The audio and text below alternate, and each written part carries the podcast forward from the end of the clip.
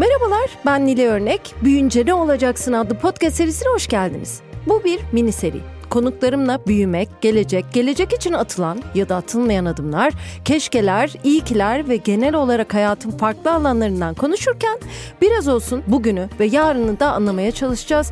Birilerini daha yakından tanıyıp belli kavramları tartışacağız. Bu bölümde konuğum radyo programcısı, YouTube ve televizyon yayıncısı, stand-up sanatçısı Mesut Süre.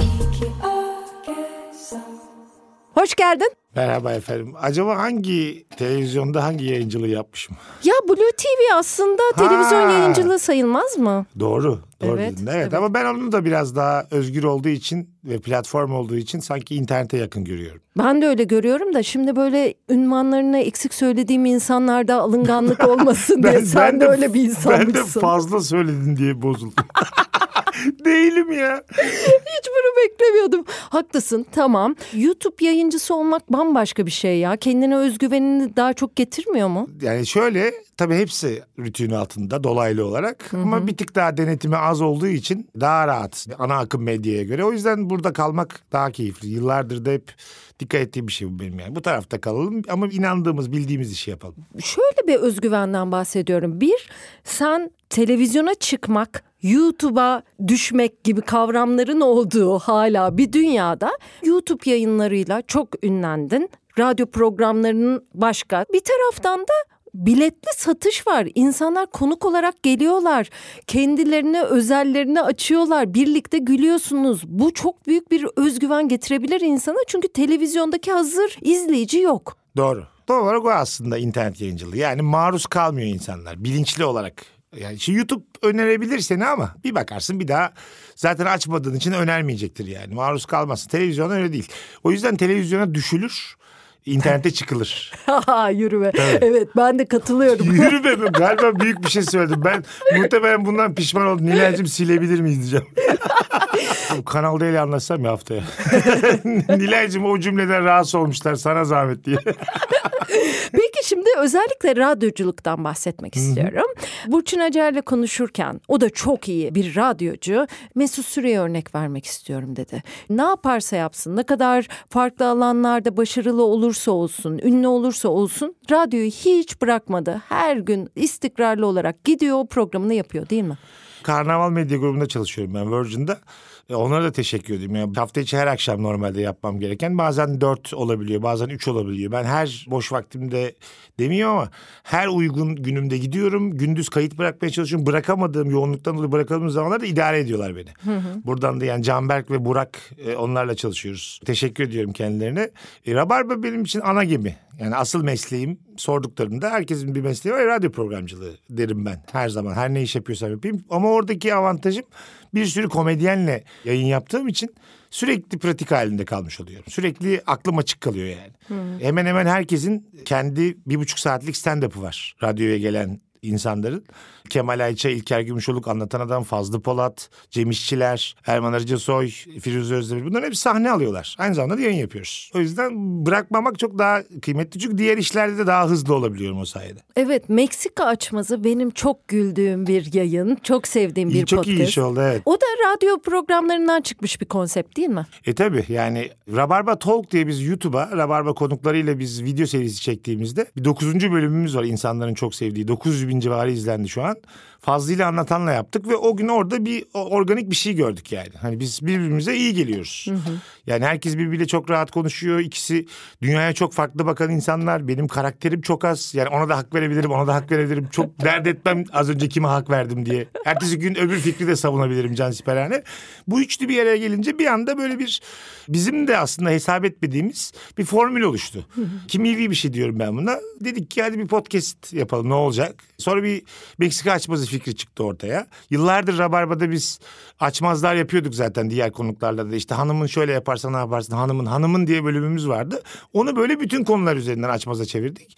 E, yürüdü gitti. Çok sevdi insanlar. Yani birinci bölümden itibaren hissettirdiler. Ara vermeyin, devam edin, devam edin falan diye. Biz de sadece bayramda bir hafta ara vererek 39 haftaya kadar arasız geldik. Peki baştan o rol dağılımları var mıydı yoksa gerçekten karakterlerinize yakın Tabii. bir şekilde mi yapıyorsunuz? Yaptıkça oldu. Biz, biz etkinlik olarak sahneye taşıdık. 11 tane oyun oynadık. Yani izlemeye gelen arkadaşlarım bu işin böyle matematiğini bilen arkadaş. Mesela Süreyya Bursa ilişki testinin e, yapımcısı aynı zamanda. Yalnız Mesut Bey de onun fikri. Ah, onu sana soracaktım. Tabii evet. Meksika açmasını izlemeye geldiğinde şey dedi çok güzel bir cümledir o ya. Sahnede gerçekten tartışıyorsunuz dedi. Biz yani bir aman şov olsun köşelere dağılalım herkes kendi üçgenindeki açısını bulsun ve daha güzel akar diye yapmıyoruz bu işi. Bazen hakikaten üç kişi de aynı fikirde oluyor. Bazen ben anlatanla kol kol oluyorum. Bazen fazlıyla oluyorum. Bazen ikisi birleşip bana yükleniyorlar.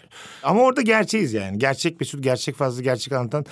En çok herhalde kendimizi dinleyiciye açtığımız proje bu. Daha iyi tanıdılar. Benim çok neşeli olduğumu, hayatı çok sevdiğimi, Fazlı'nın cebinde akrep olduğunu, anlatanın bir medeniyet kumkuması olduğunu falan orada gördüler yani. Evet. şekilde. Anlatan adama Norveç diyorsunuz zaten. Norveç diyoruz. Fazlı Polat da tam bir Türk karakteri değil mi? Ee, Karetçi diyoruz biz ona daha çok yayının içerisinde.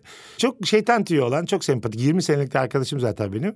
Ben söylesem başka bir komedyen söylese insanların böyle yüzünü ekşiteceği böyle kurulacağı şeyleri fazla söyleyince hiç kimse rahatsız olmuyor. Çünkü aslında biraz da bunu söylerken bilincinde olduğunu da hissediyoruz. Yani içinde bir zeka da var. Ee, o yüzden mesela ben çok önemserim kadın dinleyici oranını. Meksika açmazında da epey yüksek. Normal şartlar altında yani bu görüşleri savunan fazlının olduğu bir programı kadınların bu neymiş ben bunu dinlemem demesi gerekirken aksine herkes çok seviyor yani. O benim için çok kıymetli bir feedback. Evet çok acayip ya. Tabii Nasıl sen de söyledin ya aynısını. Evet evet. Tamamen benim zıttım bir karakter ama çok gülüyorum dedin yani. Ya sabah televizyon programları olur ya. Hani böyle daha çok magazin yorumlayan insanlar bir araya gelirler. Aha. Ki her zaman şöyle düşünürüm. Ben öyle bir programda sunucu olsam üç bölüm sonra o program olmaz. Çünkü ben anlatan adam gibiyim. Yani Aha. politik doğrucu işte o onunla birlikte olmuş. E aşık olurlar olurlar diye düşünürüm Evet. mesela. Fazlıysa tam bir o sabah programı karakteri. Cimri, kıskançlıkları var. Ben bütün hayatını bildiğim için her iki tarafın da bütün argümanlarını bilerek aslında böyle savunuyor kendini. O yüzden de bizim mesela bir gün şöyle bir anımız var. 14. bölümümüz bizim için en iyilerden biridir. O hikayede de işte Fazlı'nın 19 yaşında bir kızı var. Anlatanın 21 yaşında bir oğlu var açmazımızda. Fazlı'nın kızı anlatanın oğluyla anlatan da varken Merve'lerdeyim deyip evden çıkmış. Beraber uyuyabilir mi? Açmaz bu. Biz bunu böyle canhıraş bir şekilde tartıştık. Sonra bitti podcast çekimi. Anlatan arabayla gitti. Bende de ehliyet yok. Fazlı beni arabayla bırakacak. Biz arabada 10 dakika biz niye medeni değiliz o kadar da diye Fazlı'yla üzüldük.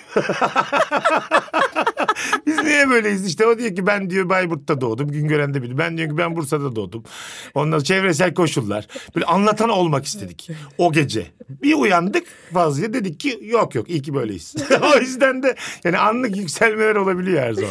Ben tabii o serinin iyi bir dinleyicisi olduğum için biraz geç dinliyorum ama bu programda da seni de görmek istedim böyle. Neden? Çünkü hani büyümek, gelişmek vesaire tartışırken hem çok büyümüş, hem çok olgun, hem çok iyi bir insansın. Hem de böyle büyümemiş bir halin var ya oradaki rol de biraz öyle. Yani işte diyorsun ya bir ondan olabilirim, bir ondan olabilirim. Ertesi gün görüşümü de değiştirebilirim. O Evet, çok hoşuma e, gidiyor. Kaygan bir zeminde olmak kıymetli. O yüzden de yani mesela nasıl e, büyüyorsun biliyor musun bu ülkede? Şimdi az önce Galata'nın dibinde seninle buluştuk. Sen gelmeden ben çay içtim işte bir şeyler yedim falan. Kart geçmiyor burada dediler tamam mı? 2022'de. Sonra bana bankamatik gösteriyor. 150 metre alabilirsin işte o zaman büyüyorsun yani anladın mı?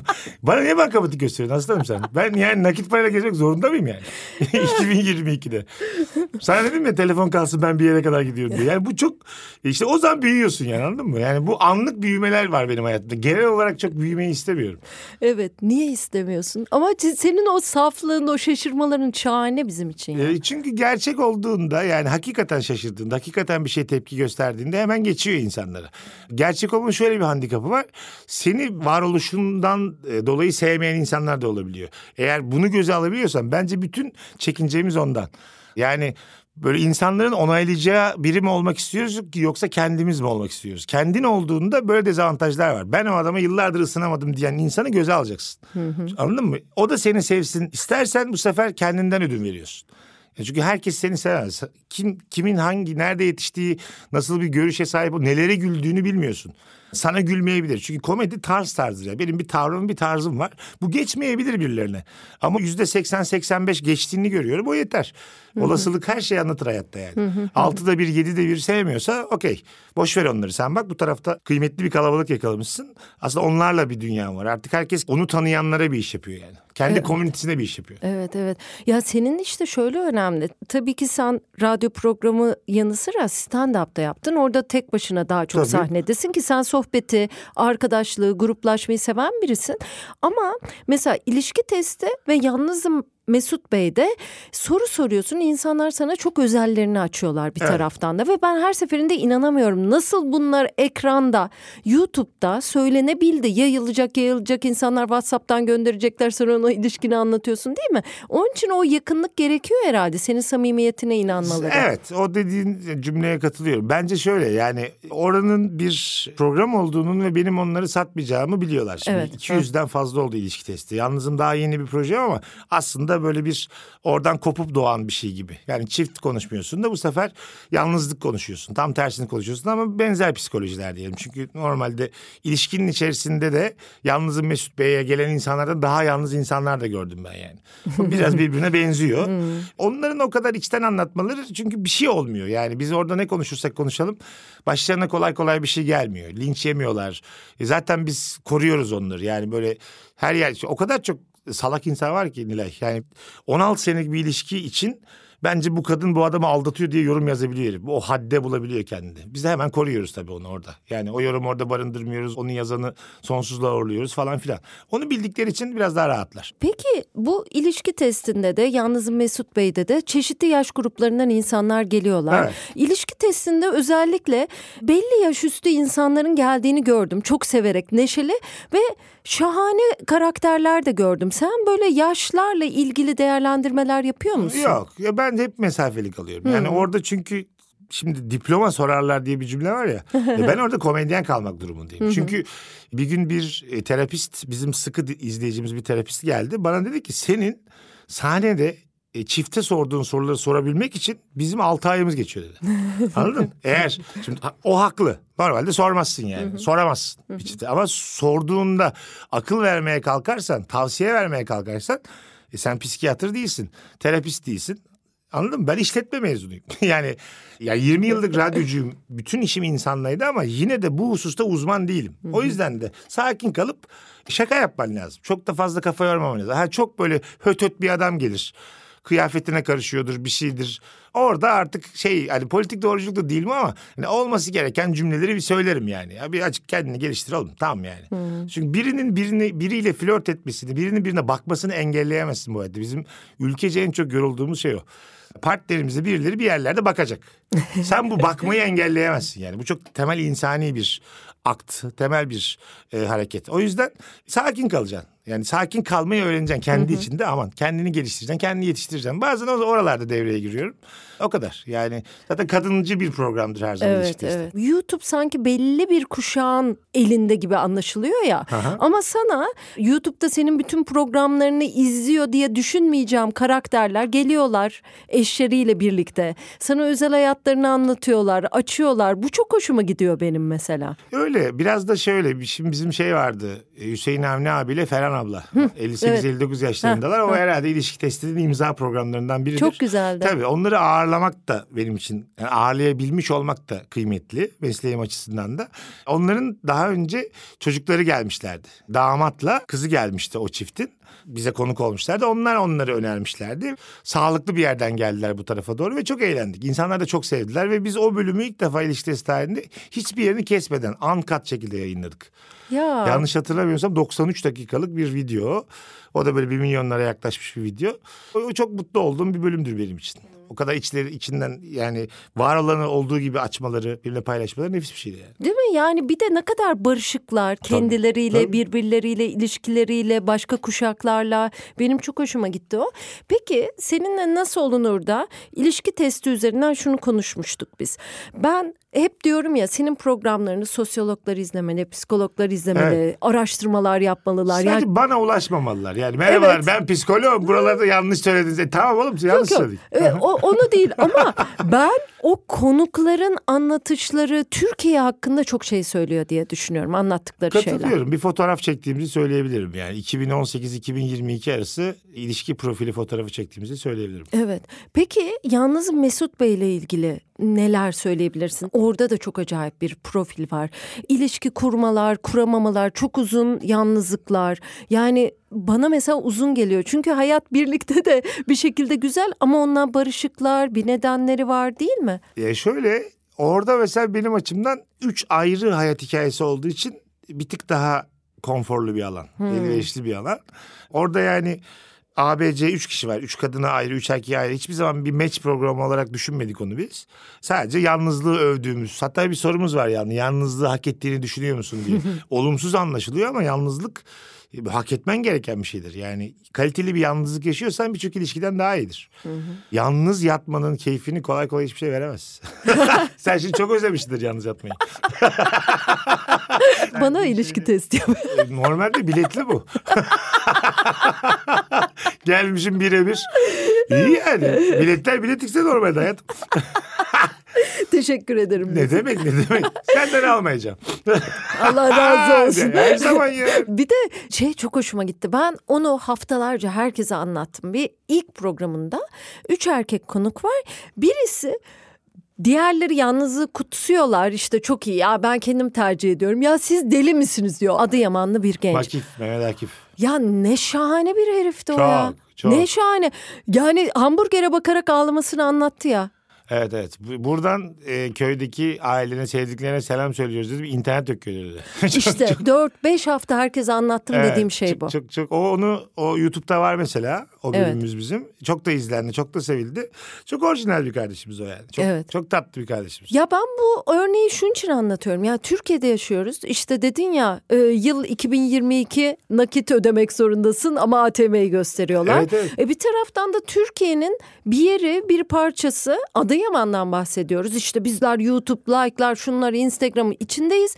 Çocuk sinema televizyon okuyor ya da radyo televizyon okuyor ve interneti yok kendi yaşadığı, büyüdüğü Şehrinde. Yerde. Evet evet katılıyorum. Orada bir bir durup düşünmemiz gereken bir durum var yani. Evet evet. Ben o açıdan herkese anlattım yani. Evet evet yani burada yani insan hikayelerinin bu kadar ilgi çekiyor olması şuradan kaynaklanıyor bence. Çok gerçek. Yani o yüzden bence bütün bu sinema sektörü işte belgeseller, e, sanat filmleri hep böyle gerçeğe ulaşmaya çalışıyorlar ya. Hani Nuri Bilge Ceylan filmlerinde oyuncularla konuştuğu o sekansları yayınlarlar internette. Hepsini izlemişimdir. O da e, hiç böyle gerçek olmayan bir şey istemez. Görüntünün içerisinde de diyalogta da. Bizim bu yaptığımız işlerde salt bir şekilde hiç tanımadığın bir insanın ilişkisini, hayatını, yalnızlığını veya aşkını dinlediğin için zaten biz ona baştan ulaşmış oluyoruz. Anladın mı? Yani en baba yönetmenin böyle günlerce setler gerçeğe ulaşma çabasını görüyorum. Ben gerçek bir adamın yalnızlığını konuşuyorum orada. Büyük avantaj verici, büyük bir konfor alanı. Tabii. O yüzden bu kadar hemen geçiyor sana. Sen izlediğin o adama çünkü gerçek mi acaba inanayım mı demiyorsun. İnanarak başlıyorsun izlemeye. Ondan sonra onun hakkında yorumların oluyor. Tabii. Anladın mı? O yüzden kıymetli. Tabii. Çok şaşırsam da çok inanıyorum. Tabii o net net. net. O Bize net. işte kast diyorlar mesela. İlişki testinde kast diye var. Oğlum yani 3 milyar çift var. Benim kasta ihtiyacım var mı sence? Herkes evli olan. ya zaten bir de sorular çok belli. Hazırlanıp gidebilirsin. Onda bile yani yapamıyorlar ya E, bazen tabii. çok hazırlanmış evde, sorular. evde daha iyi düşünmüştüm. Diyorum ki boş ver evi ya. Buradayız artık yani. Keşke düşünmesen evde yani. Bu kadar bilmem kaç program sorular belli. Ama ikisinde de ilk önce test etmek için insanları alıyorsunuz değil mi? Önden video istiyoruz. Bir video istiyorsunuz, ha, istiyoruz. En oradan- azından hani bir dışa dönük bir biraz daha enerjik mi? Şu, bazen tabii çuvallayabiliyoruz. Çünkü yani videoda çok rahat. Çünkü evinde çekmiş. İlk defa seyirci karşısında biraz böyle bir zaman alabiliyor rahatlaması. Ama genelde yani elimizdeki olanaklarla en doğrusu o. Önden video almak. Hmm, evet sen onları da çok doğallaştırıyorsun zaten. Sana bu podcast'in içinde herkese sorduğum sorulardan ikisini soracağım Tabii. şimdi. Keşke dememek için, iyi ki demek için yaptığın şeyler var mı? Bir bunu sorayım. Bir de nelere gerçekten geçmişte yaptığın şeylerden bahsediyorum. İyi ki diyorsun. Yani iyi ki caymamışım. Çok zordu çünkü İstanbul'a ilk geldiğim zaman. ilk böyle bir radyocu olarak geldim. Radyolar istemedi. Hatta şimdi çalıştığım medya grubundaki Joy Türk'te bambaşka bir müzik direktörü vardı.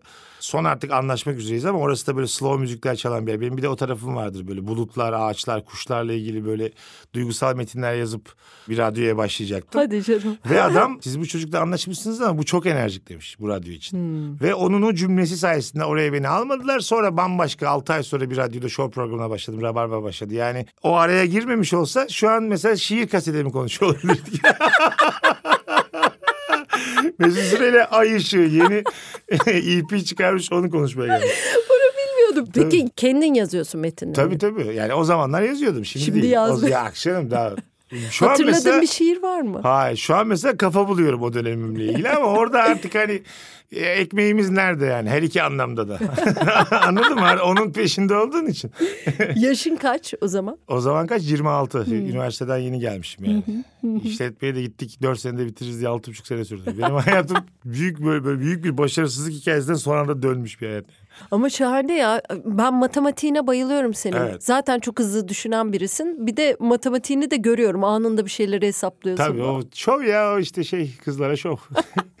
Ederciğim iki tane iki basamaklı sayı söyle hemen çarpayım. Yok telefonunu söyle aklımı tutayım. öyle şeyler tabii tabii öyle minik minik yaşım da 41. Artık buraları atlatmış olmam gerekirdi normalde. Geçen hafta yaptım ya. Çok iyi. tabii tabii. Çok iyi. Peki tamam. Ee, bırakmadığın için mutlusun. İyi ki İyi ki diyorsun. ya. Pes Evet, etmediğin Keşke için. dediğim hiçbir şey yok. Çok sakinimdir ben hayatta. En son işte geçen Harbiye'deydik. Evet. Sağ olsunlar 4500 kişi vardı içeride. Ben bir moderatör oldum Rabarba Comedy Night. Beş tane komedyenin de bir 15 ay 20 dakika sahne aldığı bir gece. Ben de insanlarla laflıyorum aralarda. İlk ben çıktım tek başıma ve perde açıldı. Perde açıldığında bir 15 saniye izledim yani.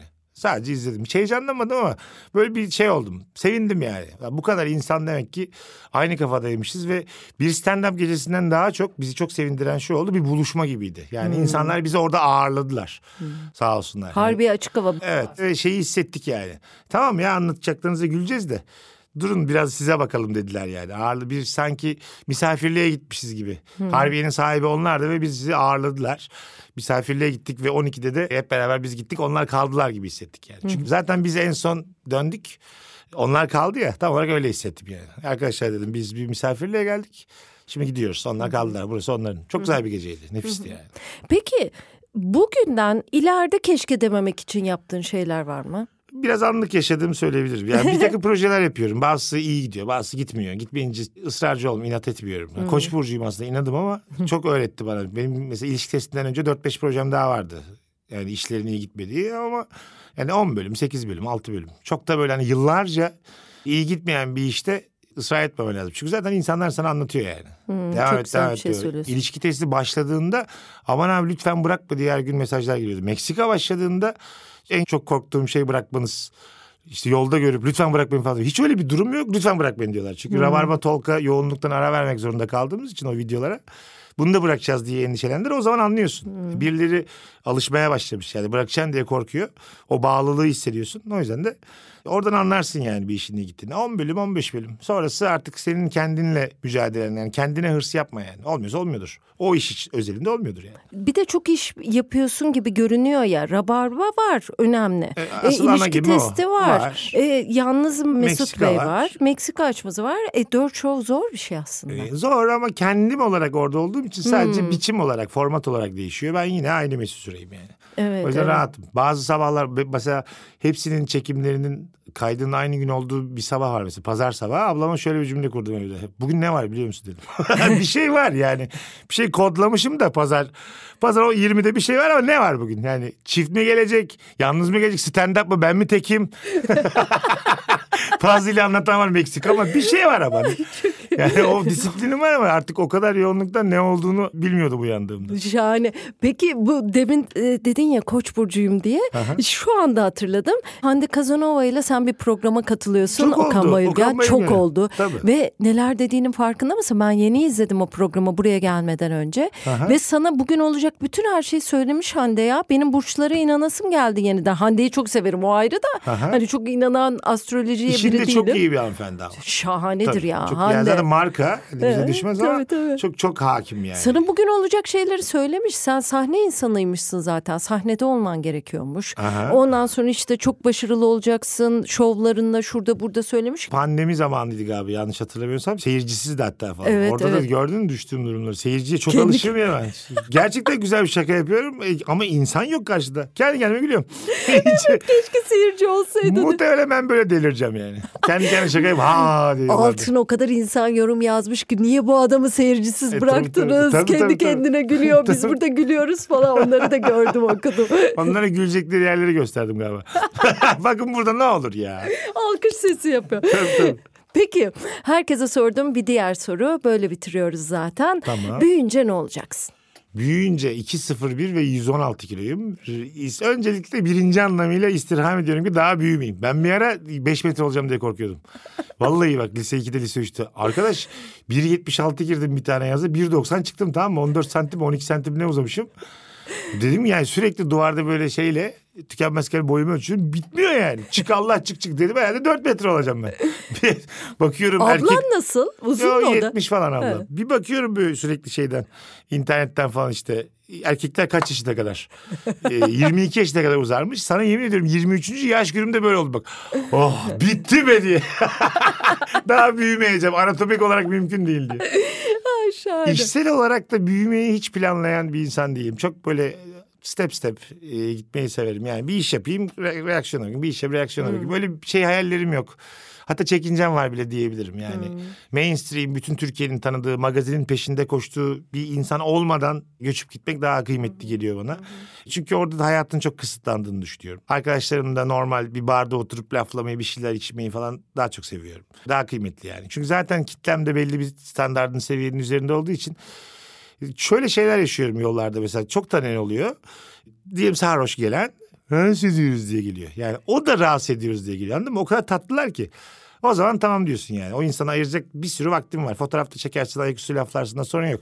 O yüzden yani hiçbir e, tanınmadan insanların beni tanıması fotoğraf çekmesi hiç rahatsız değilim. Çünkü kitlem, kitlemle çok mutluyum. Çok bizden insanlar yani. Bir de çok hayatın içinde yaşıyorsun. Ben senin kaç defa sokakta, vapurda, Tabii, tabii. modadan İşte- karşıya geçerken öyle şey Beşiktaş'tan yani. bilmem Tabii ne. hayat, Tabii tabii. Hayat anlamı o yani. TDK'daki anlamı da o yani. hayat gezmek dolanmak ne yapacağız mi yani? diyor? E, tabii. TDK. Ge- diyor diyor. Gezmek dolanmak diyor hayat. Sakın evlenme diyor. Bak sen hayata TDK'da. Tabii. Ne gerek var diyor. Hayır canım dört çocuk diyordur. TDK mı diyordur? Evet diyordur. Der. Der. Üçtü ya dört mü olmuş? İyi. ne bileyim hat- Muhalif, hatırlıyorum büyüyünce. muhalifiz ama hakim de değiliz. Kaç dediydi diye. Peki sadece hoşuma giden şey şu zaten. Hani böyle hırslı olmadan sevdiklerini yapmak isteyen. Çünkü sen belirlemişsin. Yani senin alanın belli. İnsanlarla bir arada olmak, ilişkide olmak, konuşmak, hayatı değişik bir tarafından ele almak, insanlarla bunu konuşmak, masaya yatırmak, gülmek. O ilişkiyi kurmak Ha, ve evet, işini evet. de ona sanki bahane ediyorsun. Ama sonuçta Ha. sen radyoculuğu, yayıncılığı E, seviyorsun seviyorum. gibi geliyor. Tabii tabii yani radyo özelinde devam etmek isterim ama olur da edemesem bile podcast'in ne kadar kıymetli bir şey olduğunu Meksika ile beraber gördüm. Yani yaptığımız işin boşa gitmemesi, bir yerlerde tekrar kıymet bulması. Çünkü biz trafiğe iş yapıyorduk radyoda ve aslında reklamdır ves- vesairedir. Böyle bir müziktir, müzik tercihidir. İnsanlar böyle bir bazıları kaçtı. Ama sonra podcast olarak misliyle geri geldiler. O çok Evet, kıymetli. Konuştuğun şeyin hakikaten e, söz uçarmış ya, uçar diyorlar ya uçmuyormuş yani. Tabii tabii. Sözün ben... uçmasını engelledi yani Evet podcast. evet Tabii. çok memnunum podcast Tabii. yapan bir insan olarak. Mesut'u da ilk konuk ettiğimde rakibim geldi diyordu. Aa, Çünkü o zamanlar çok az podcast vardı. Biz de sana bayılıyoruz. Yani canım sordum dışarıda 160 bölümü e, devirmişsin ve böyle işinin uzmanlarıyla yaptın bu işi. Benim ablam Çiğdem Süre çok kıymetli bir yere koyuyor Dinleyici. seni. Ha, çok kıymetli bir yere koyuyor Evet, seni ve sürekli o podcast'ini dinlerken görüyorum. E, çok öğretici işler yapıyorsun. Bizimkiler biraz daha açın, gülün ve 30-35 dakika. Çok Seninkiler böyle ihtiyacımız var. bir saatin üzerinde muazzam işler. Eline sağlık vallahi. Evet ikisi de ayrı ayrı insanların bu toplumun ihtiyacı. Aynen öyle. Kimse kimse de rakip değil. Biz Evet. komedyenlerle de hep konuştuğumuz şey o yani. Herkese seyirci var. Tabii ben gırgırında söylüyorum. Seninkiler zaten gülerek Tabii, ilişki tabii. kurmayı öğretiyor. Birbirimizle, zaaflarımızla, kötü huylarımızla, garipliklerimizle, yalnızlıklarımızla bile ilişki kuruyoruz. Bence çok değerli. Çok teşekkür Ben ediyorum teşekkür Mesut ederim ya. Ee, İyi ki gelmişim. Ne zaman çağırsan. Çok teşekkür ederim. AGESA Hayat ve Emeklilikle birlikte yaptığımız Büyünce Ne Olacaksın'ın bu bölümü de bitti. Mesut Süre konuğumda çok da mutluyum. Çok sağ ol. Hoşçakalınız efendim. Bay bay. Bay bay.